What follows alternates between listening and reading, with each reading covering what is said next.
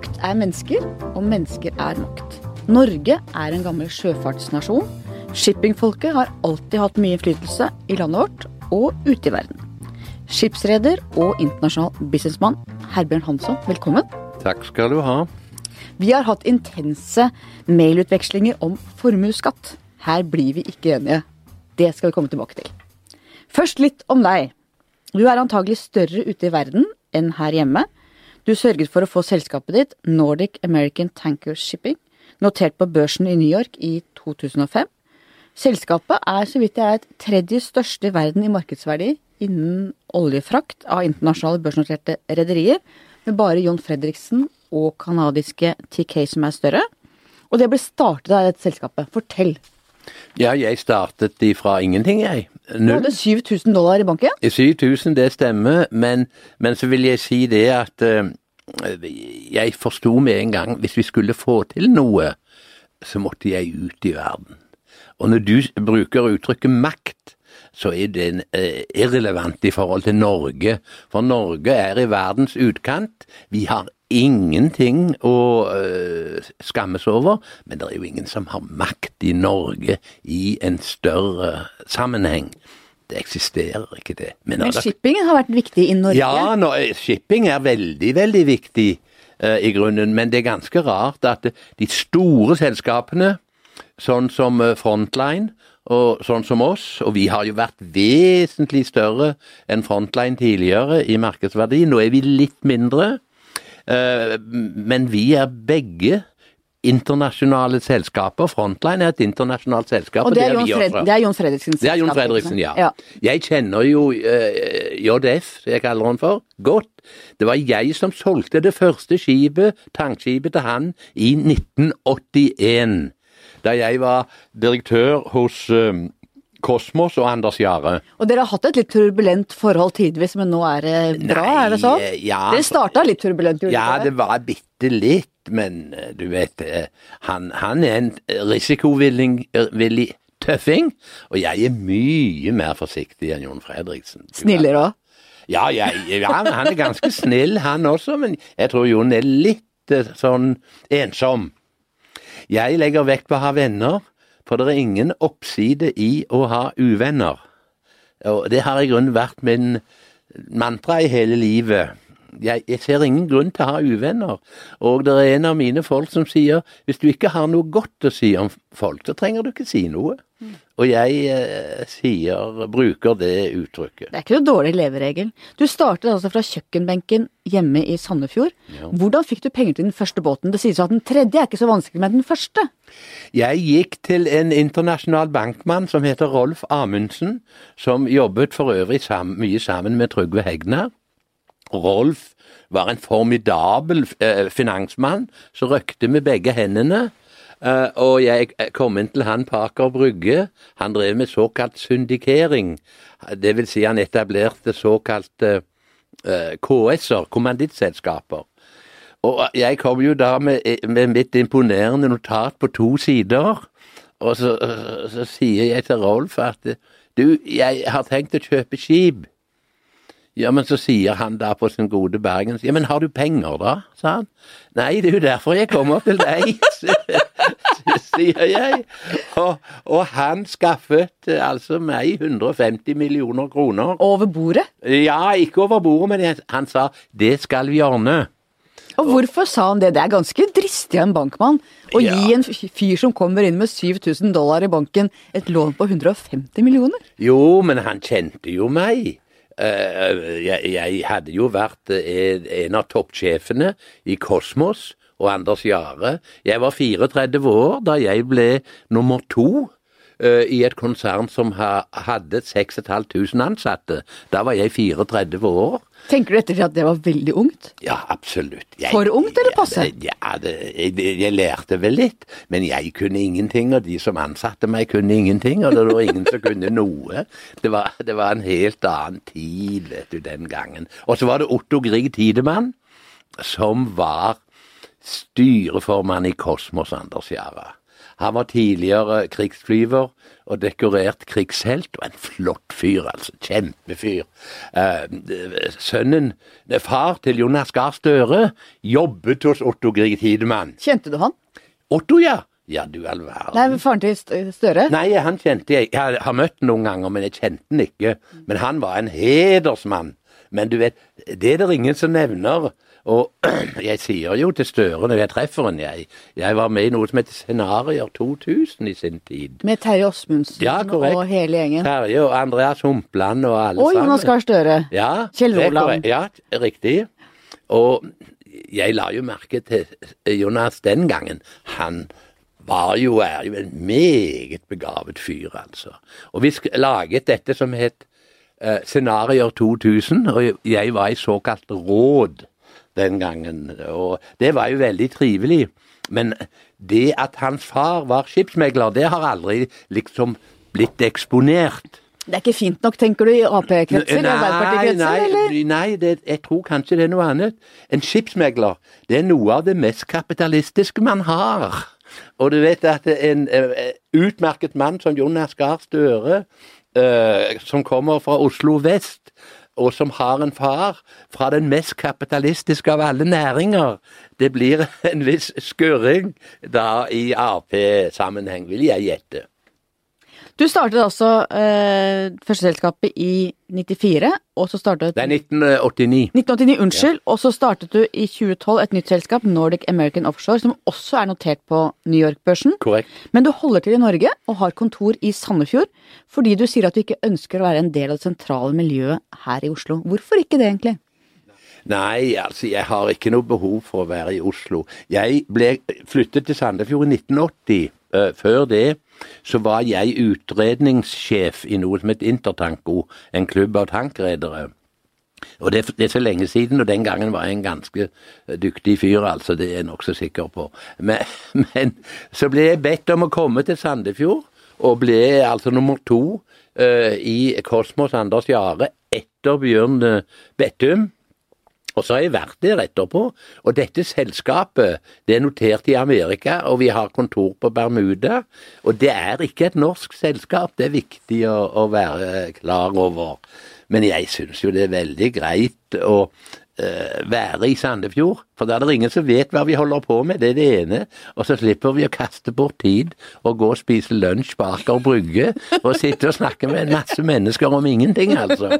Du må ikke kaste bort tiden din. Ja, tid er dyrebar. Ja, den er det. Tiden det er jo en av de få tingene som du aldri får igjen, altså. Så Og som er lik for alle. ja, den er det. Den er det. Og vår tilmålte tid er jo veldig kort, da. Du eh, hadde, vi snakket om ditt forhold til Jon Fredriksen. Du møtte også en ung Kjell Inge Røkke, 32 år gammel, nesten rett fra fiskebåten, med lomma full av penger, i 1991, før han ble den han er i dag. Hva så du i Kjell Inge Røkke den gangen? Kjell Inge kjente jeg lenge før han var kjent i Norge, og hans eh, kollega Bjørn eh, Rune Gjelsten. Kjell Inge han var en tøffing. Jeg, jeg så jo det er lett å se at han var ekstremt dyktig. Og så hadde han skrekkelig lyst til å bli skipsreder. Og han og jeg og noen andre investorer prøvde å kjøpe syv, nei, åtte små cruiseskip som var eid av Nils Jørgen Astrup og Fernlia Deger. Og han var inspisert til disse skipene. Og det er et godt eksempel på at noe av det beste vi har gjort, er det vi ikke gjorde. Og det blir aldri noe av, og heldigvis. Han er en utmerket fyr, og en dyktig fyr, som har gjort mye og fått mye til. Jeg har bare gode ting å si om Kjell Inge Røkke. Og også, jeg må si, eh, hans kollega Bjørn Rune Gjelsten, som vi også møtte den gangen. De var da litt mer beskjedne enn eh, de, de er nå, og det er vel kanskje noen hver av oss. Du er berømt for noe som heter Hansson-modellen i din drift av selskapet. Hva er det? Den er veldig enkel. Jeg har eh, en veldig enkel eh, Hva skal jeg si eh, filosofi. Folk liker det enkle. Det har jeg lagt merke til. Du vet, når man skal skrive ting, så skal man gjøre det så flott og innviklet osv. Men jeg har bare én type skip. Jeg har de laveste kostnadene, og eh, vi legger veldig vekt på å ha gode venner i det som jeg kaller for big oil. Og hvem er big oil? Jo, det er Exxon Mobil, det er Shell, det er British Petroleum og alle de store, og også i Østen. Og vi er veldig gode venner med de. For vi har en veldig god uh, record, som det heter seg uh, på utenlandsk. For det dere gjør er å frakte olje, ikke sant? Vi bare frakter olje. Det det vi vi frakter råolje alle steder i verden. Og derfor så må vi og jeg prøve å forstå verden. Altså, hvorfor er disse selskapene store? De er store fordi de er gode. Altså, den nye utenriksministeren i Amerika, Rex Tillerson, eh, han har jeg møtt mange ganger. Jeg kjenner han ikke, men jeg kjenner veldig godt Exxon Mobil, som er et av de beste selskapene som finnes. Og disse store selskapene er veldig gode. Og de har blitt store fordi de er gode, og, og de har gode folk. Og, og vi har en veldig god record. Jeg sier litt spøkefullt at vi er egentlig krisepsykiatrikere. Når de skal legge seg om kvelden, så må de kunne sove godt når de vet at det er vi som frakter oljen for dem, råoljen. Fordi at det er veldig sensitivt, dette med pollution, dette med sikkerhet for mannskap, dette med sikkerhet for skip, og dette med sikkerhet for miljøet. Det er tre helt sentrale ting. Og når de eh, gjør forretninger med oss, så stoler de på oss. Og det, det er eh, Jeg legger veldig vekt på dette med, med trøst. Og når det gjelder Jeg er nokså direkte med de, i den forstand. Noen av de sier vi er store, dere er små, vi har rett, dere er feil. Og det sier jeg til Exxon og de andre. Det vil vi ikke ha. Hvis det er deres prinsipp, så vil ikke vi gjøre business med dere.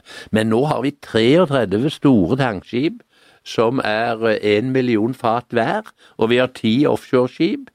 Og det er basert på samme modellen. Jeg vil si enkelthet, forutsigbarhet, og det som heter eh, åpenhet, eh, eh, transparency, det er de tingene som merker oss. Og så er det altså sånn at du ikke har gjeld. Dere er et gjeldfritt rederi, og det er jo en sjeldenhet. Det gir jo handlefrihet til å handle når andre ikke kan handle. Men fortell om tenkningen bak det. Hvorfor er du annerledes enn de andre altså på det? Jeg, nå har vi litt gjeld, det, men vi er de som har minst. Og jeg vil ha det enda mer. Fordi jeg vil ikke at bankene skal drive vår business.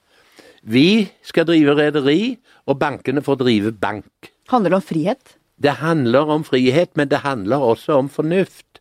Fordi de som investerer hos oss, de kan låne pengene selv, de. Vi trenger ikke låne for de, vi. Og i Amerika, der har vi 100 000 aksjonærer. Eh, det er jo nokså mange. Og de har tillit til oss. Men det, min, min eh, avdøde far, som vokste opp i de store krisetider, han sa alltid du må ikke låne penger. Det er farlig.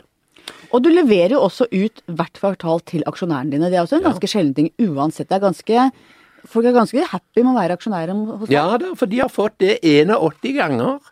Og de, alle liker å få en sjekk. Det liker du òg, Ja, ja, ja. det. Det er klart, det. Og, og, og når de får den sjekken, så blir de minnet eh, om oss eh, og sånn. Så, men vi driver enkelt. Men jeg vil si, du, hvis et land låner for mye penger, eller en bedrift låner for mye penger, eller en person låner for mye penger, så går det galt. Trenger ikke være professor for å forstå, for å forstå det, altså. Men du er ikke så glad i å snakke om egne penger. Du har blitt spurt av og til i intervjuer og sier at det er et frekt spørsmål. Og rik, rike mennesker vil ikke gjerne snakke om egne penger. Hvorfor ikke det?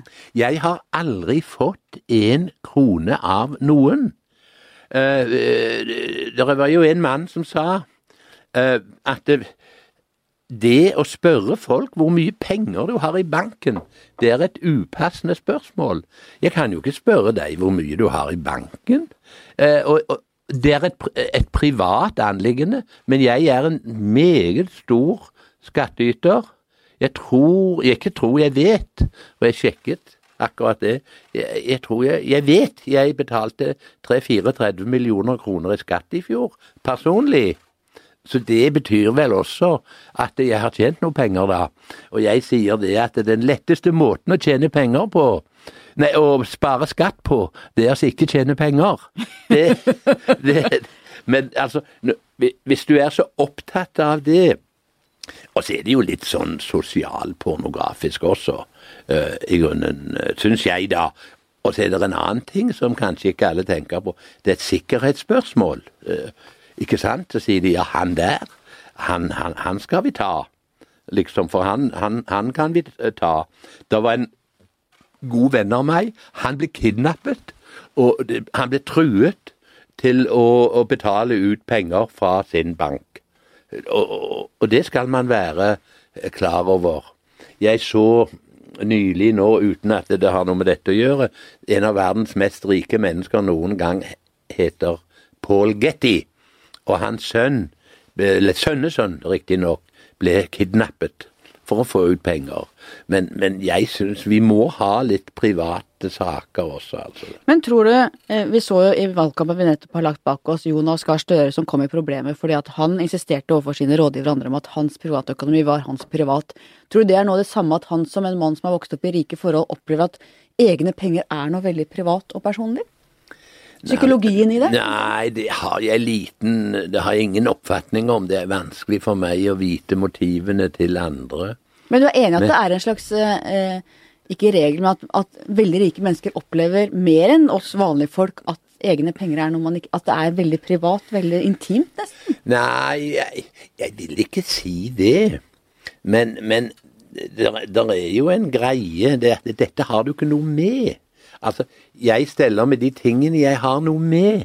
Jeg kan ikke stelle med de tingene jeg ikke har noe med. Det, det, er ikke min business. Hvis jeg skulle springe etter deg og ta bilder av deg oppe hjemme og der du måtte bo eller ikke bo, det, det er ikke sånn verden skal være, etter min oppfatning. Det er et uttrykk på engelsk som sier 'mind your own business'. Pass på deg selv. Og det skal vi gjøre. Jeg har aldri fått 50 øre av noen noen gang, og sånn.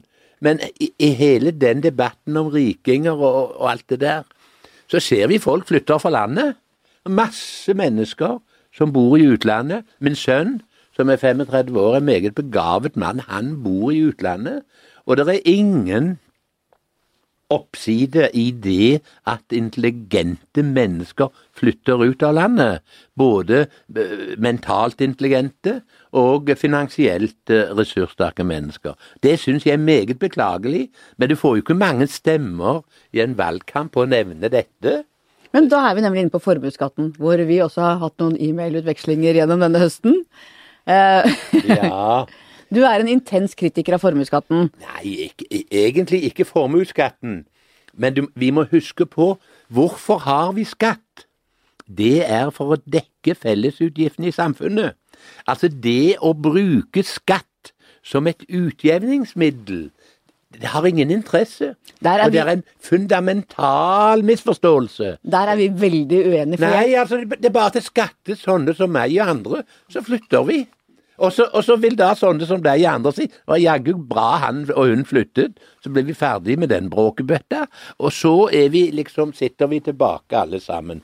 Det er, jeg, jeg syns jeg ikke Formuesskatten, jeg tror jeg betaler en million eller to i formuesskatt. Det er ikke det. Men jeg liker ikke at folk skal springe rundt med pekefingeren. For det at ressurssterke mennesker flytter fra landet, det er et problem.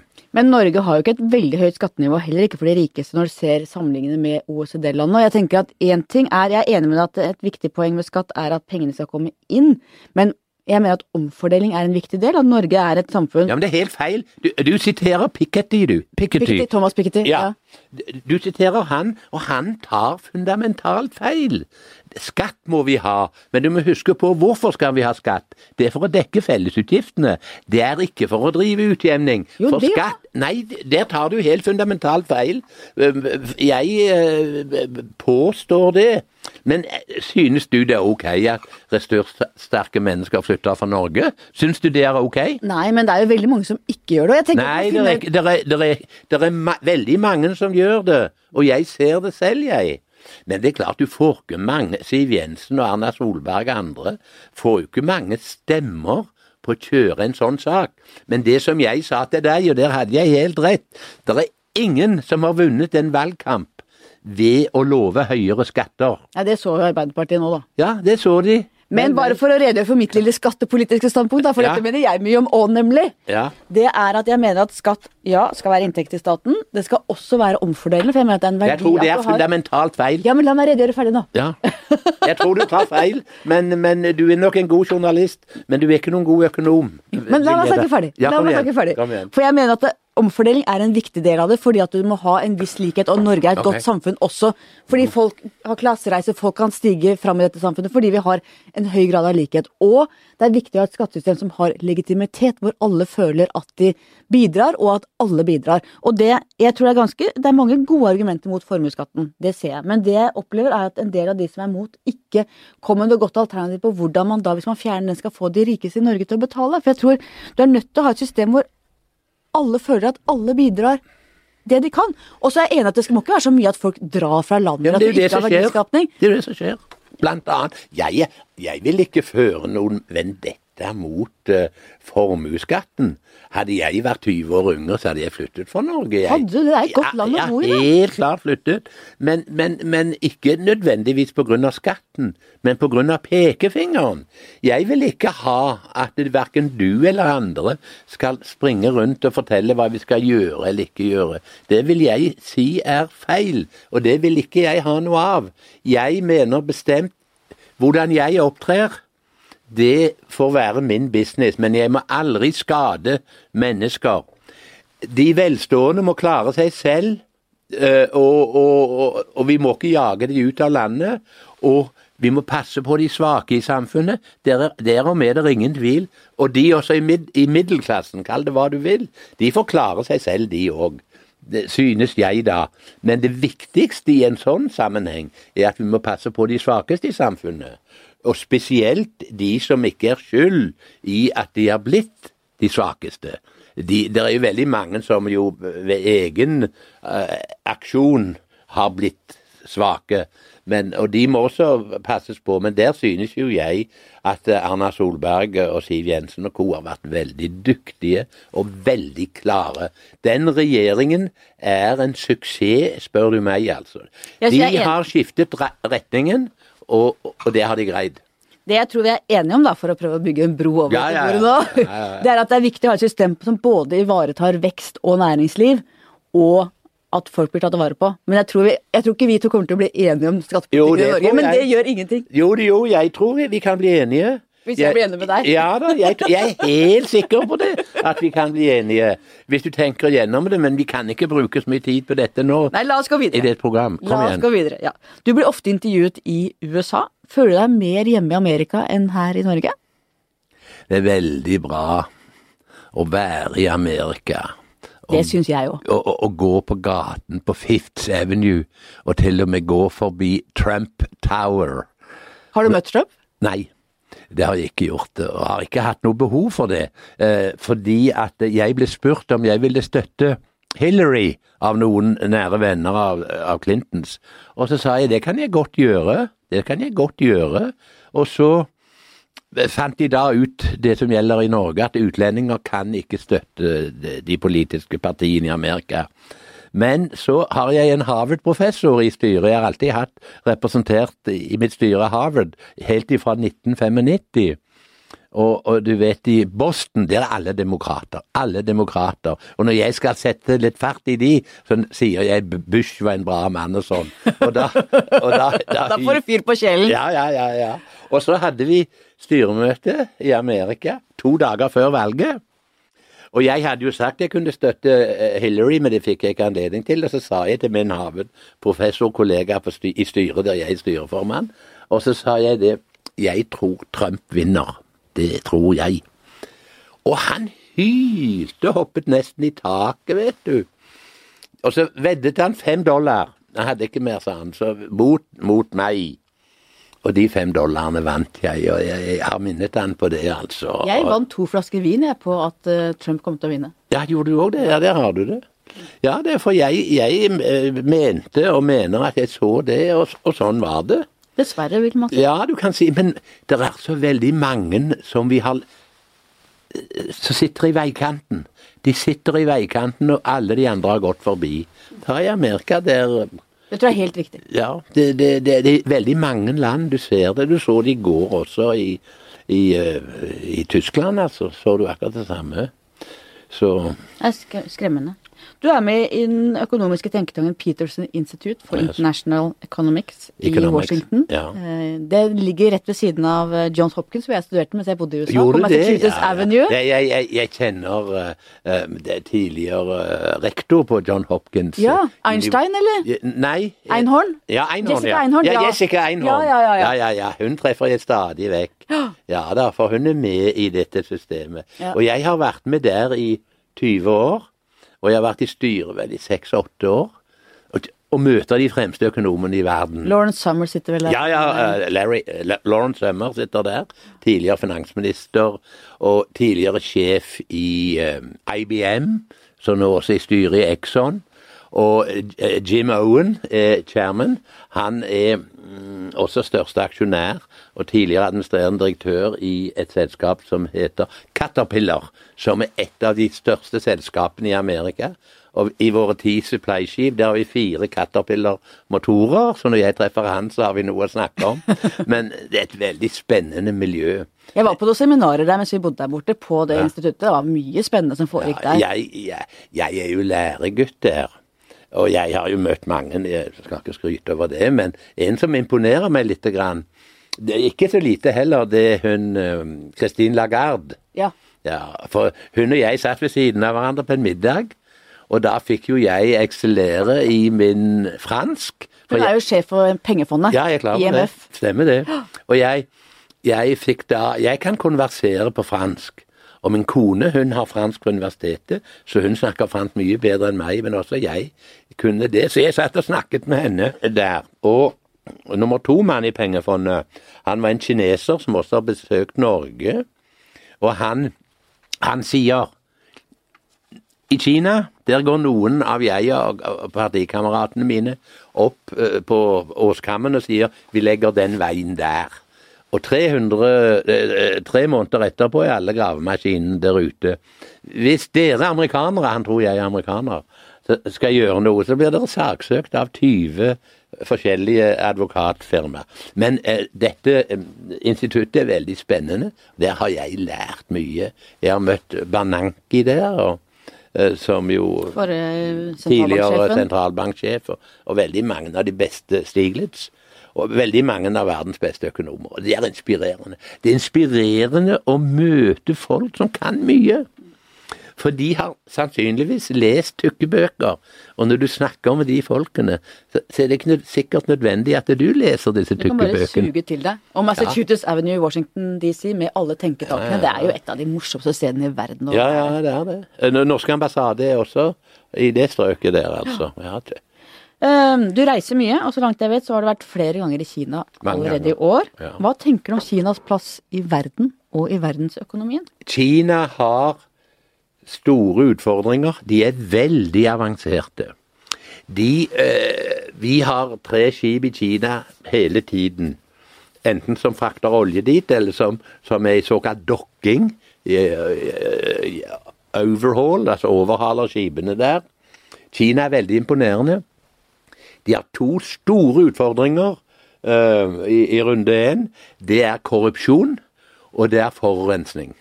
I løpet av ti år så vil de ha sortert det ut. Det er jeg ganske sikker på. Når vi vurderer Kina, så må vi huske på at 500-700 millioner mennesker er tatt opp fra den ytterste fattigdom til å bli rimelig velstående av alle bøndene.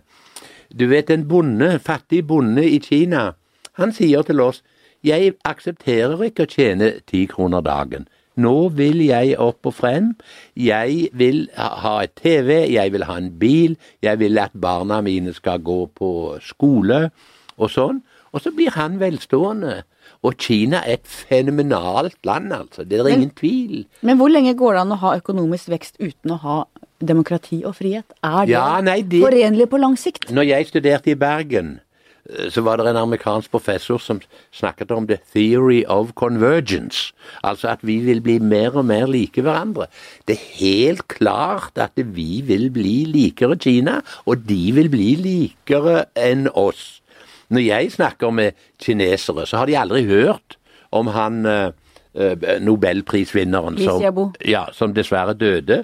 For det er noe diplomatene holder på med. Og det er greit nok, det. Men eh, noen sier at eh, hvis vi skulle gjøre, og de skulle gjøre det som han sier, så ville Kina falle fra hverandre. Eh, 1,3 milliarder mennesker. Det ville være en katastrofe. Jeg var i Hongkong, som nå er en del av Kina, første gang i 1975. Da var jeg også i Korea. Den gangen var luften så tykk at du måtte spa deg gjennom luften. Nå er eh, dette, og spesielt Seoul i Korea, en clean city, en ren by. Og at Kina vil greie dette, det er jeg helt overbevist om. Helt overbevist om. Og hva tenker du om Norges forhold til Kina? Vi kommer ut av fryseboksen etter nobelprisen, men betalte en ganske høy pris. Ja, gjorde vi det? Ja, nå la jo, har jo norske regjering lagt seg helt flat. Da Lise Ja, har vi det? Ja, Jeg, jeg, jeg er ikke enig med deg i det. Jeg er De var realistiske. Altså, jeg eh, kjenner og har møtt flere ganger en toppdiplomat i Kina. Eh, vi er med i noe som heter The Trilateral Commission. Og jeg er norsk representant i det. Det er et forum med eh, kjente politikere, næringslivsfolk og akademikere. Jeg sier til han, sitter ved siden av meg, at eh, jeg har stor respekt for Kina. Eh, det er helt klart etter mitt skjønn at Tibet er en del av Kina, og det har vært det i 800 år. Men dere må slutte med Og han her han ble utenriksminister under Chairman Deng i 1978, og han jobbet sammen med Chowen Lai, hvis du husker det navnet for 60, tidlig på 70-tallet. Men dere må slutte med å slå munkene med stokker. Det må dere slutte med. Så sier han til meg, herr Bjørnson, du har helt rett. Vi var på fornavn, vet du. Du har helt rett, sa han. Han er 78 år, han er topp diplomat i Kina. Chairman of the Diplomat Association. Kina vil klare seg. De er mye mer imponerende enn vi er klar over. Og vi i Vesten, vi er veldig navlebeskuende. Ekstremt navlebeskuende. Og, og tror at vi har løsningene på alle spørsmål. Kina, Malaysia og alle de store landene der borte, inkludert Japan, det er der tyngdepunktet er. Av våre 33 skip så har vi vel nå 22 i Østen. For det er der det foregår. Men, men vi sitter og ser på oss selv, vi. Og snakker med oss selv. Eh, Erna Solberg ville jo ikke engang kommentere da Li Xiaobo eh, døde, og hun sa etterpå at det er en menneskerett for politikere å ha ferie, så hun vil ikke gjøre det. Og det, det er klart de har frasagt seg muligheten til å kritisere helt åpenbare ting, da. Nja, men helt åpenbare ting. Det, man kunne mene mye om det, men hvis hun hadde ferie og valgte å ikke kommentere det, eh, så valgte hun det, da. Det at det, når Dalai Lama var her for to, tre, fire, fem år siden, så, så fikk ikke han møte eh, Erna Solberg eller stortingspresidenten. Og det var helt riktig avgjørelse, for da ble pariteten, som det heter seg, feil. Når du er en statsleder, så har du rett til å møte en statsleder, men ikke når du er lenger nede på, på, på stien. Jeg husker jo, jeg i 1959, da Dalai Lama uh, hadde sitt store quote unquote gjennombrudd. Jeg mener at de har håndtert det helt riktig med Dalai Lama. Og om eh, hun eh, Erna Solberg og, og, de andre ikke kommenterte det Jeg syns ikke det at jeg vil kritisere det. Jeg vil jo beklage alle jeg som dør, dør, enten det er sånn eller sånn. Og vel, de har vært veldig gode i den økonomiske politikken, den regjeringen vi har. Og, og det er jo det som velgerne har sett. De har vært veldig gode i oljefondspolitikken og bruke midler for å bygge landet vårt. Jeg, skjønner, jeg, visste at vi ikke kom til å bli enige om Kina heller. Nei, nei, jeg, jeg, kritisert, jeg kritiserte den mye for Dalai Lama. Ja, men vi er jo enige. Ja, al altså, jeg, jeg mener én ting. Kina er mye viktigere enn vi tror. Ja, og da er mitt neste spørsmål til deg. Hvilke følger får det for verden? For jeg er helt enig i at tyngdepunktet går nå veldig sterkt mot øst. og Det er ja. ikke sikkert vi tar inn over oss i hvor sterk grad det skjer. Hva tenker du blir konsekvensen av det? Konsekvensen av det hvis det blir samarbeid, så er det bare gode konsekvenser. Hvis du får utveksling av varer og tjenester, er det bare bra. Hvis det er konfrontasjon, så er det ikke bra. Som vi jo ser veldig tegn til ja, Trump ja. Ja da, jeg, jeg syns jo at han er vel drøy, han eh, Donald Trump, altså. Det, det må jeg jo si. Og dette har med Dette har med politikk å gjøre, og så har det litt med psykologi å gjøre også. I betydelig grad. Ja, altså, og jeg skal til Korea i midten av oktober, eh, men hvis det, hvis det, blir eh, vanskelig, så kan jeg ikke reise dit, altså. For av våre 33 eh, skip så er 8 27 bygget i Korea. Og vi har et nært samarbeid med Korea. Men jeg tror vi vil oppdage at Østen er mye viktigere enn vi er klar over. La oss snakke litt om olje og oljepris. Vi var sammen på Sandefjord-seminaret i januar 2016. Der er det en årlig konkurranse hvor folk skal tippe oljeprisen ett år fram i tid. Og du vant for andre gang, tror jeg? Tredje, tredje gang. Ja, tredje, tredje gang. Ja. Og det var en tid hvor det var en dramatisk og for mange uforutsett fall i oljeprisen. Er det nøkkelen til ny suksess, evnen til å se svingninger i markedet? Nei, vel jeg, jeg, vant første gang i, i, 1999 og i 2000, og nå uh, vant jeg også. Jeg jobbet som ung mann sammen med en som het Erling Dekke Næss, som var bror til profess, filosofiprofessor Arne Næss. Uh, og onkel til fjellklatrer Arne Næss, som var gift med Diana Ross. Erling var en eminent økonom, født 5.9.1901. En strålende fyr, altså. Og jeg jobbet sammen med han. Han var chairman og leder av Vintertanko. Han og jeg reiste rundt hele verden. Og han reiste på første klasse, og jeg satt helt bak, vet du, sånn. Og så, og så kom han bak med champagneglasset, og sa han 'Herbjørn, champagne', sa han, der jeg satt eh, helt bak. Han sa Han var en eminent økonom, og han sa alltid det som er oppe, kommer ned, og det som er nede, kommer opp. Jeg lærte mye av Erling Dekkenes. Og jeg ser det slik at det som er nede, det kommer opp, altså. Det, det har jeg sett så mange ganger. Keep it simple. Tilbake Keep til it simple, ja da. For alle disse professorene og de såkalt flinke menneskene de skriver lange notater for å imponere sine overordnede, underordnede og sideordnede. Det er jo derfor de skriver dette. Og så skriver de ofte eh, det de tror sjefen liker. Det, det, det, det er sånn. Og jeg har en, tror jeg, god egenskap. Når, når mennesker kommer til meg, vi er jo 2000 ansatte, eller hvor mange vi er, alle steder i verden. Så kommer de til meg, noen iblant, og sier jeg har en liten sak å snakke om. Så sier jeg jeg vil ikke snakke om små saker, jeg vil bare snakke om viktige saker.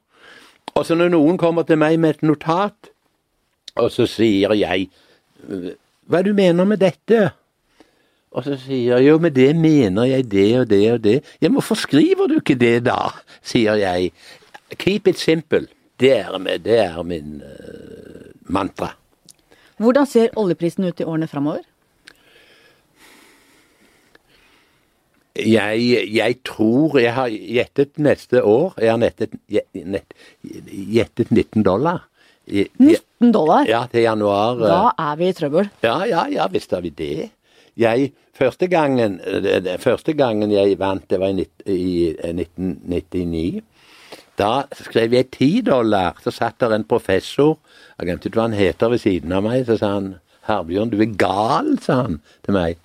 Eh, For den gangen var oljeprisen 17 dollar, så ble den 10, og så vant jeg.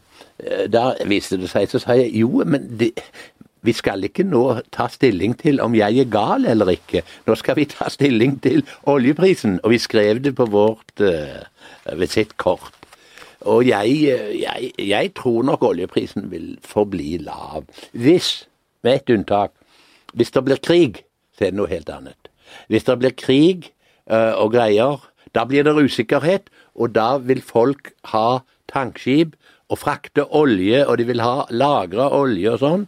Så hvis det blir politiske uroligheter, det vil lett kunne stimulere og det er jo fælt å si det, vår industri. Men eh, gitt en normal utvikling, så, så tror jeg eh, oljeprisen vil forbli lav, altså.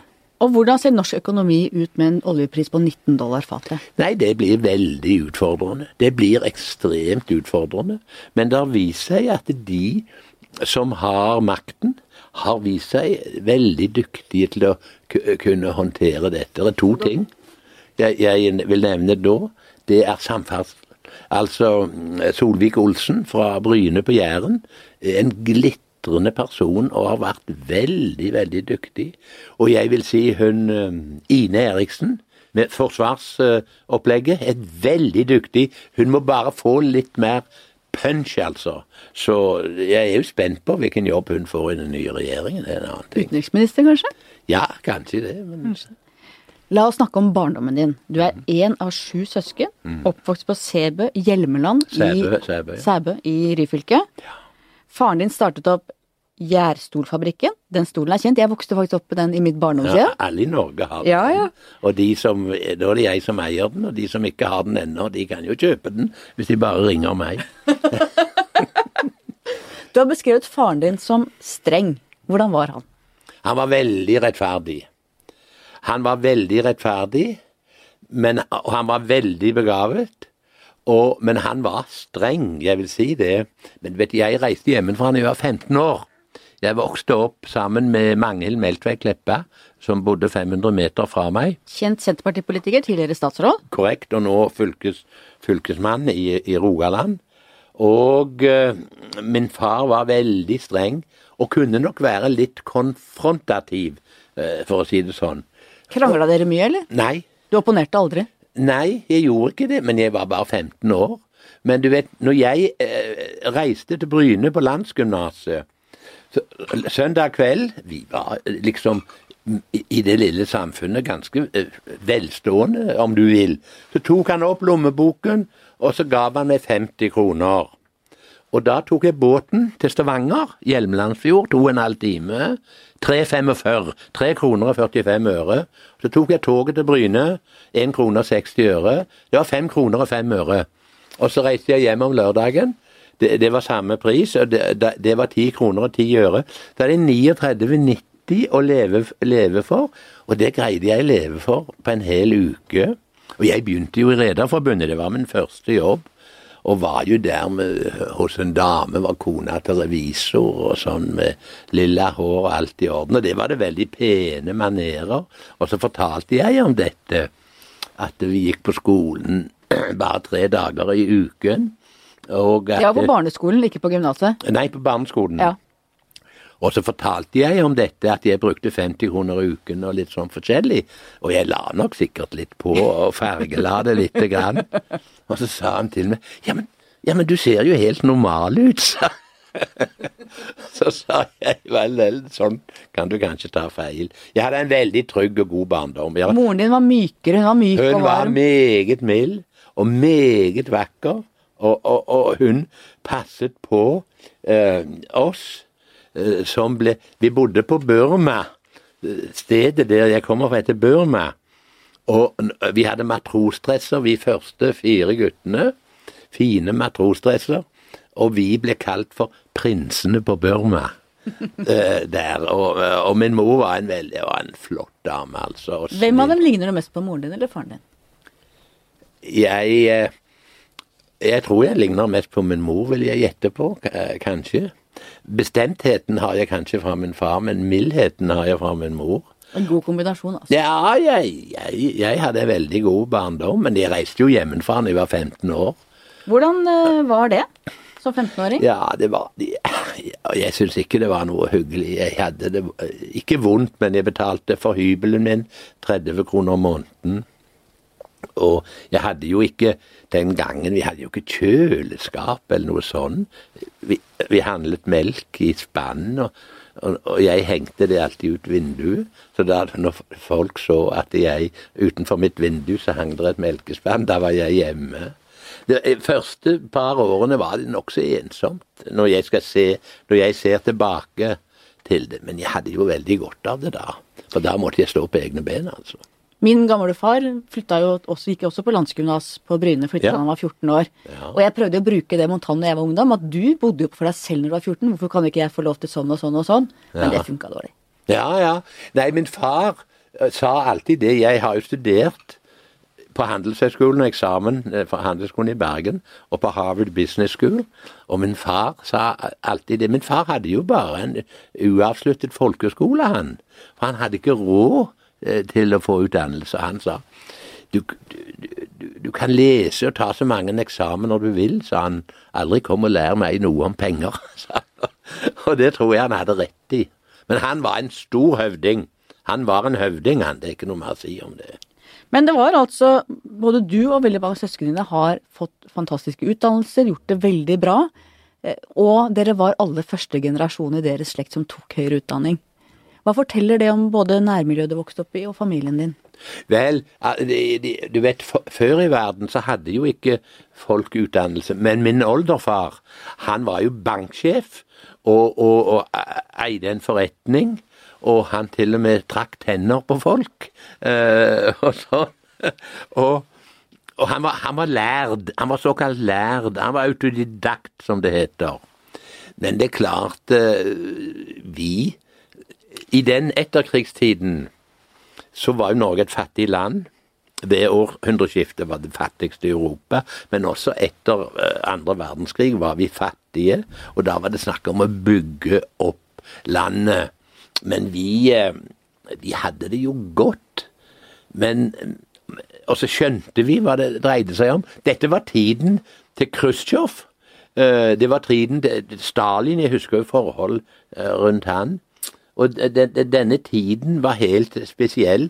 Eh, vi var jo redde for Jeg husker han sa hjemme, en fra Gartnerhallen, Herbjørn sa han, det var i 56, bare vent til troppene i Moskva begynner å røre på seg.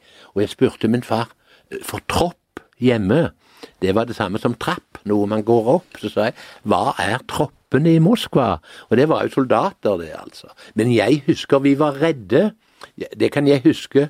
1956, eh, da det gikk inn i Ungarn. Jeg var eh, selv i militæret i 1968, 21. august. Tsjekkoslovakia. Og jeg var bare 20 år den gangen, og jeg husker jeg sto med skarpe skudd på Værnes flyplass. Da var jeg ikke høy i hatten, altså. Men nå kommer jeg helt på viddene og besvarer vel ikke spørsmål engang. Nei, men det gjør ingenting. Um, men det var også Hjelmeland med uh, bedehus, strenge religiøse ja. regler. Mm. Hvordan har det preget deg? Nei, det har, det, det, det har vel gitt meg en trygghet, uh, vil jeg si. Og jeg sier det litt lakonisk uh, og sarkastisk kanskje, som en professorbror i medisin. Han sier det er jo ikke så farlig dette her allikevel, for det er ingen som overlever, selv om alle later som om de gjør det. Men det er klart det har preget meg med at det har gitt meg en trygghet. Det, det, det vil jeg si eh, at det har.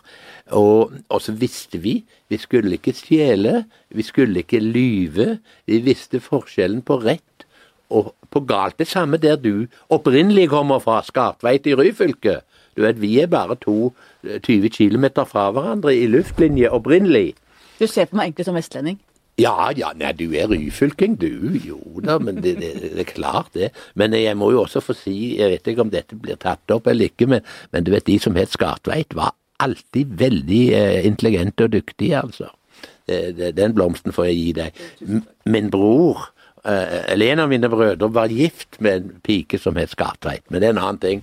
Jeg kan ikke blande det opp i dette. Men det var altså bedehus, og et av vinduene ut i verden var jo Marta Gjesfjell. Martha, ja. Ja, Som var altså reiste til Amerika I 1919. for å lære seg kinesisk og ble Kina-misjonær. Korrekt. Og kom tilbake da revolusjonen kom i 49 i Korrekt. Kina. Og så var hun den som fortalte dere om verden, om Kina. Hva, hvordan inspirerte det deg? Hva, er hun noe av forklaringen på din uh, Ja, Utfart? altså hun, hun, hun uh, Martha Gjesfjell, den gangen hadde vi noe som het flanellograf. Flanellograf. De hengte Jesusbilder på veggen og I sånn flanellstoff, ikke Ja, stemmer, stemmer.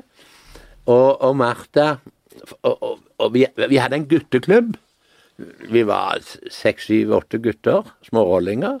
Og så Det var kun én pike som var med. Det var Magnhild Meltveit. For hun truet seg med. Hun ville være med, hun også.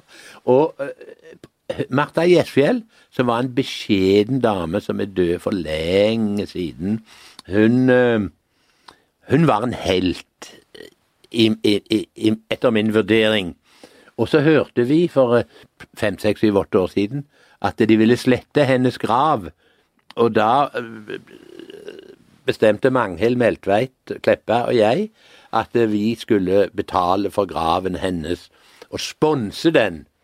Iallfall i vår levetid. For eh, Martha Gjesfjell, denne beskjedne personen som var jo på mange måter langt foran sin tid, eh, hun burde huskes. Fikk hun egne barn? Nei, nei, hun var aldri gift. Nei, hun, hun, Det er et fascinerende liv, da. Ja, det er veldig Tenk 1919 å reise til Kina og, og bli misjonær og, og greier. Det, det, det er godt gjort, altså. Og det er sånne det er sånne som er helter. Ikke disse banksjefene som går rundt på Aker Brygge og snakker om ingenting, med fine dresser. De, er ikke helter i denne sammenheng og i dette perspektiv. Det var altså i familien din veldig mange søsken, høyere utdanning. Vi kan egentlig snakke om den klassiske norske klassereisen. Vil du for det også sende en takk til sosialdemokratiet? Nei, mange, jeg, jeg syns ikke det. Jeg kjenner jo godt historien. Jeg kjenner forhold på 20-tallet og Komintern og alt rundt Arbeiderpartiet og sånn. Dette, du vet, det første norske partiet eh, som eh, brøt gjennom, var jo Venstre i 1840, 1884 og Johan Sverdrup i grunnen. Og eh, jeg, jeg, det har jo vært rivninger i, i dette, eh, dette øh, samfunnet, men det er mye mer alvorlig nå. For den gangen Alle fattige mennesker har ikke råd å reise ut, men nå reiser de ut. Veldig mange, og det ser jeg på nært hold. Jeg skal reise til, til Frankrike på torsdag, og da treffer jeg min sønn som bor i Monaco. Og der ser jeg alle disse intelligente menneskene fra Norge som bor i utlandet. De burde vært hjemme og bygget landet, og ikke være ute. Da er vi tilbake på skatteregimet igjen og pekefinger. Men grunnen til at jeg spør om sosialdemokratiet, er at jeg lurer på hvorfor Arbeiderpartiet og Einar Gerhardsen sto så svakt i ditt, opp, oppvekstmiljø. Jeg har jo da, som jeg snakket om, min farsslekt på Finnøy, og der var jo også Gerhardsen aldri noe stor mann.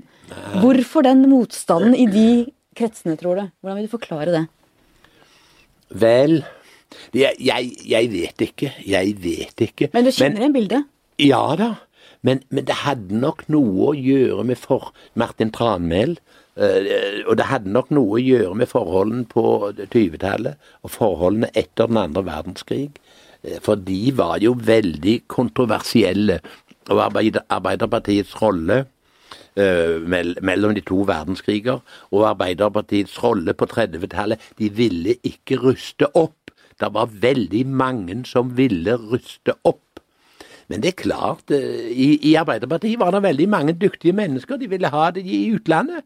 Altså, Trygve Lie vel en av, fra, fra Grorud er vel en av de mest begavede mennesker vi har hatt i dette land i forrige århundre. Og Håkon Lie var jo veldig glad i Ja, Amerika Lie. og Nato og Ja, ja, men, men jeg tenker på Trygve Lie som ble ja, generalsekretær ja, i begge, men begge de to gutta var jo, vil jeg tro, menn litt mer etter Men han, Trygve Lie ville de ikke ha hjem. For da ville han konkurrere med de hjemme, og det syns de ikke noe om, altså. Lite grann det samme med Terje Rød Larsen, som vel er en av de mest eh, dyktige mennesker, utenrikspolitisk og diplomater, vi har hatt. Han, han ville de holde ute i landet, og han dummet seg sikkert litt grann ut på et eller annet poeng, punkt, men det var jo helt marginalt. Jeg hadde jo kona hans, Mona Juel, ambassadør i London her for, rett før sommeren. Ja, ja, ja. Utrolig interessant menneske. Ja, jeg, jeg, menneske. jeg har snakket med henne flere ganger. Jeg vet godt hvem det er. Faren din, Ja. norsk politikk igjen, han var med på å starte Anders Langes parti i Ja. 1973. Og første landsmøte til Frp, Ja. eller Anders Langes parti som het da, var faktisk på Hjelmeland. Korrekt. Nøkling hospits i 1974. Ja, riktig. Faren din var med og skulle kjøpe hest til Anders Lang også. Hvordan forklarer du dette? Dette var ikke jeg klar over før jeg leste det nå. jo, nei, altså eh, Min far, han var vel på 50-tallet tidligere med i Venstre, kanskje i Kristelig Folkeparti. Jeg vet ikke. Men så eh, k- var han med og startet Anders Langens parti. De hadde første eh, generalmøte på Hjelmeland, årsmøte. Og da bare 400 meter fra mitt hjemsted, der jeg bor nå, 500 meter. Og da var det en som het Jems Onsdag som var med, Arve Lønnum og forskjellige andre. Og så du vet disse karene Jeg var karer, var ikke mange damer den gangen. eh, De, de eh, var veldig grunnlovstro. Eidsvoll, vet du. Men der hadde de ikke bilgodtgjørelse, men de hadde hestegodtgjørelse. Og da fant far ut at han ville lage en kronerulling for Anders Lange, eh, som jo var fra Heggedal i Asker. Og han gav jo ut denne hund, hundeavisen, og der sto alltid på toppen av hundeavisen 'Hvorfor er det så farlig at noen blir rike når alle ønsker å bli det?' skrev han på den avisen. Og så, og så sier far da må vi ha hest til Anders Lange, og de sjekket formalitetene, og han hadde da rett til å, å tjore hesten utenfor Stortinget. Det, det hadde de funnet ut av i sin visdom. Og så døde han dessverre, altså. Så ble ikke det noe. Det ble aldri noen hest. Nei da, det ble aldri noen hest. Far, min far kunne vært på Stortinget hvis han ville, men han ville ikke det. Han, han, det var en annen som kom inn, eh, som Det var ikke så veldig vellykket. Jeg må jo fortelle deg det det var. Han satt ved siden av Sissel Rønbeck, eh, vet du, og, og så hadde de sånn skylleskål. Og så var de på Slottet, og så spurte han, samme hva han het, spurte Sissel Rønbeck hva er det for noe. Nei, så sier hun spøkefullt du skal drikke det, sa han. og så tok han skylleskålen og drakk. La det ligge. Hva tenker du om dagens Fremskrittsparti? De er dyktige. De har mange dyktige personer. Utvilsomt dyktige. Det er klart at Carl I. Hagen og co. Han, han brumler litt grann, og iblant litt for mye, og sitter tidvis litt urolig i båten. Men han har hatt rett, og Fremskrittspartiet har hatt rett på kriminalpolitikken, og de har hatt rett på innvandringspolitikken. Det er, det er ikke noe tvil om det. Det anser jeg som et historisk faktum. Og jeg, du spurte om historie, jeg vil si etter krigen Jeg er ikke i stand til å vurdere eh, Einar Gerhardsen og hans posisjon, for han var for sterkt forankret i 20-tallet, som vi var innom. Men jeg vil si Gro Harlem Brundtland og Carl I. Hagen og Kåre Willoch er de tre største politikerne vi har hatt de siste 30-40 år. Her Helt- tror jeg vi er enige. ja, helt utvilsomt. Uh, Gro av kvinnesaken, for jeg, eh, jeg er kvinneaktivist, jeg. Uh, og, og, og eh, Kåre Willoch av at han har jo alltid rett, da. han er jo en fin kar, altså. Kåre og jeg, eh, Willoch og jeg, vi korresponderer litt, så det heter seg, vet du. Før i verden så skrev folk brev til hverandre, nå sender de e-mailer til hverandre. Og eh, Kåre og Gro og, og, og han andre, Carl er dyktige folk, altså. Og så er det Det er omtrent som i business. Du må ikke bare se rundt neste sving, men du må se rundt svingen etter neste sving, altså. La oss snakke litt om kvinner. Hvordan forklarer du at det er så få kvinner i toppen av norsk næringsliv, også når vi ser sammenlignet med politikken? Og hva tenker du om kvinner og ledelse? Ja, jeg har jo mye kvinner i ledelsen i vårt eh, system. Er for Turi Mo Sørensen nestkommanderende? Ja. Det er vel en av de høyeste posisjonene noen Ja, er kvinner har i, i, i shippingverden internasjonalt. Det er ikke så mange. Ja, det, det, jo, det er vel Men det er ikke mange unntak. Nå skal hun opp i styret. Og så er er det en som heter Marianne Lie, som er med. Tidligere rederi... Rederidirektør. Ja. Og, og vi har mange eh, av, av de. Jeg, som er, har viktige posisjoner. Men Hvis du ser på næringslivet generelt, hvorfor tror du det er så Ja, jeg, tror- jeg, jeg tror man har grepet det litt feil. Man har gjort det til et kvinnesaksspørsmål. Det er ikke det det dreier seg om. Jeg mener det har med, kompetanse å gjøre. Og i en organisasjon må man ha alle typer kompetanse. Ja, det er helt enig. Det handler om miksen. Det handler om good for business. Ja, og what's good for your company.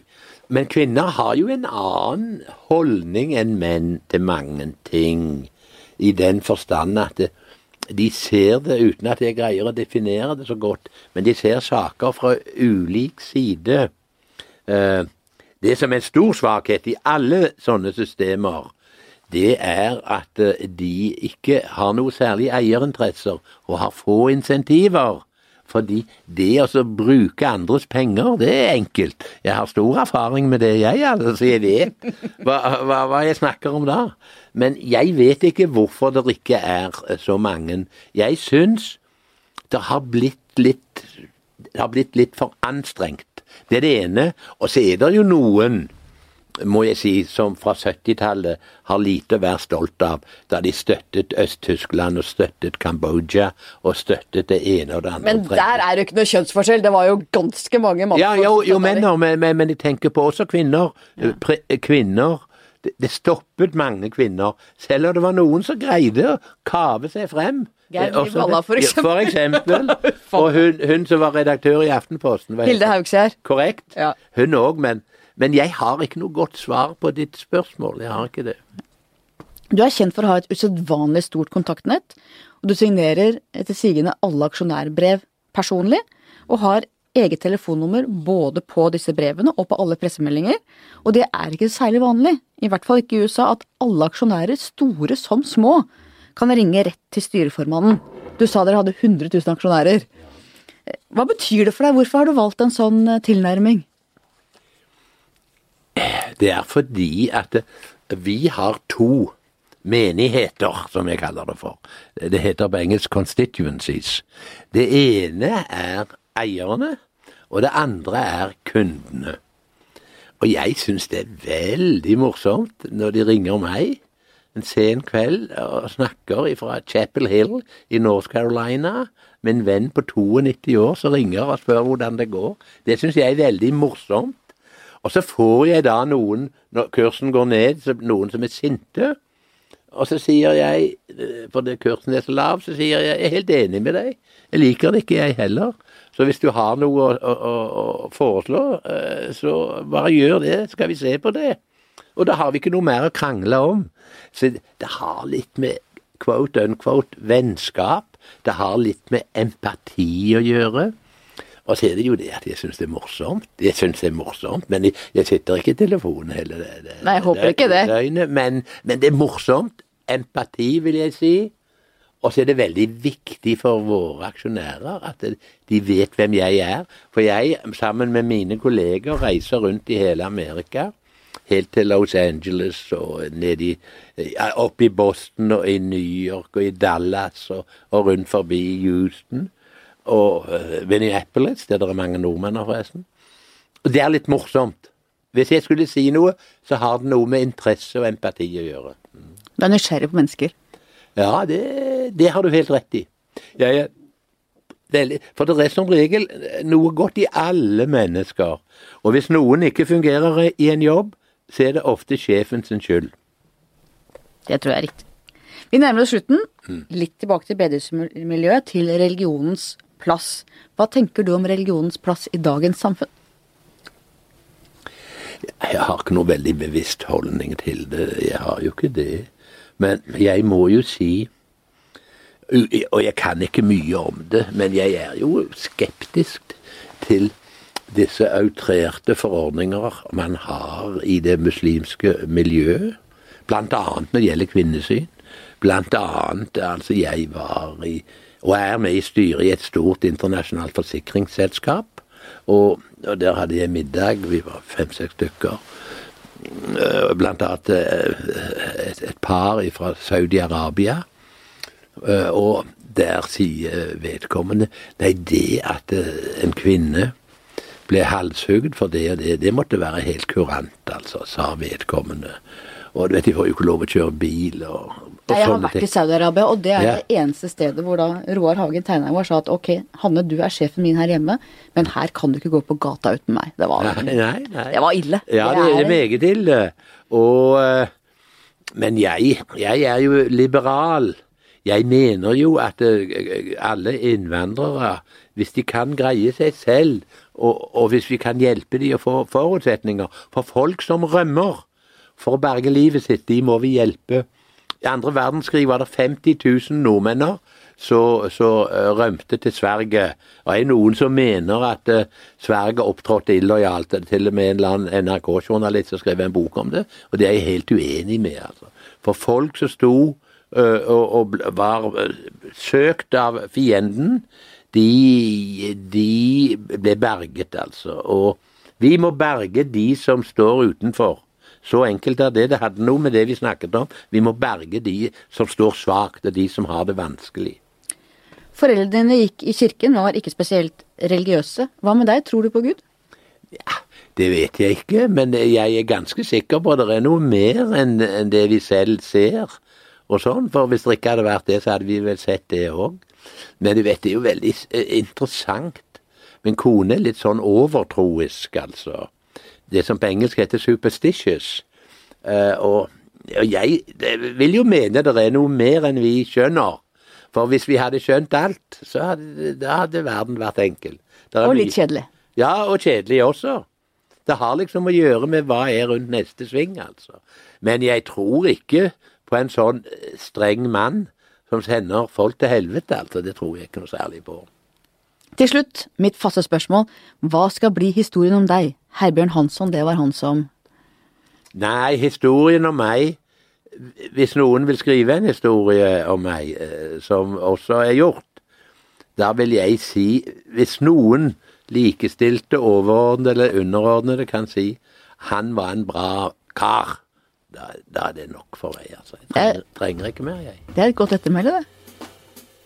Tusen takk for at du kom. Det var hyggelig å være her. Takk til deg som hørte på. Takk til researcher Grete Ruud og til produsent Magne Antonsen. Vi høres igjen neste uke.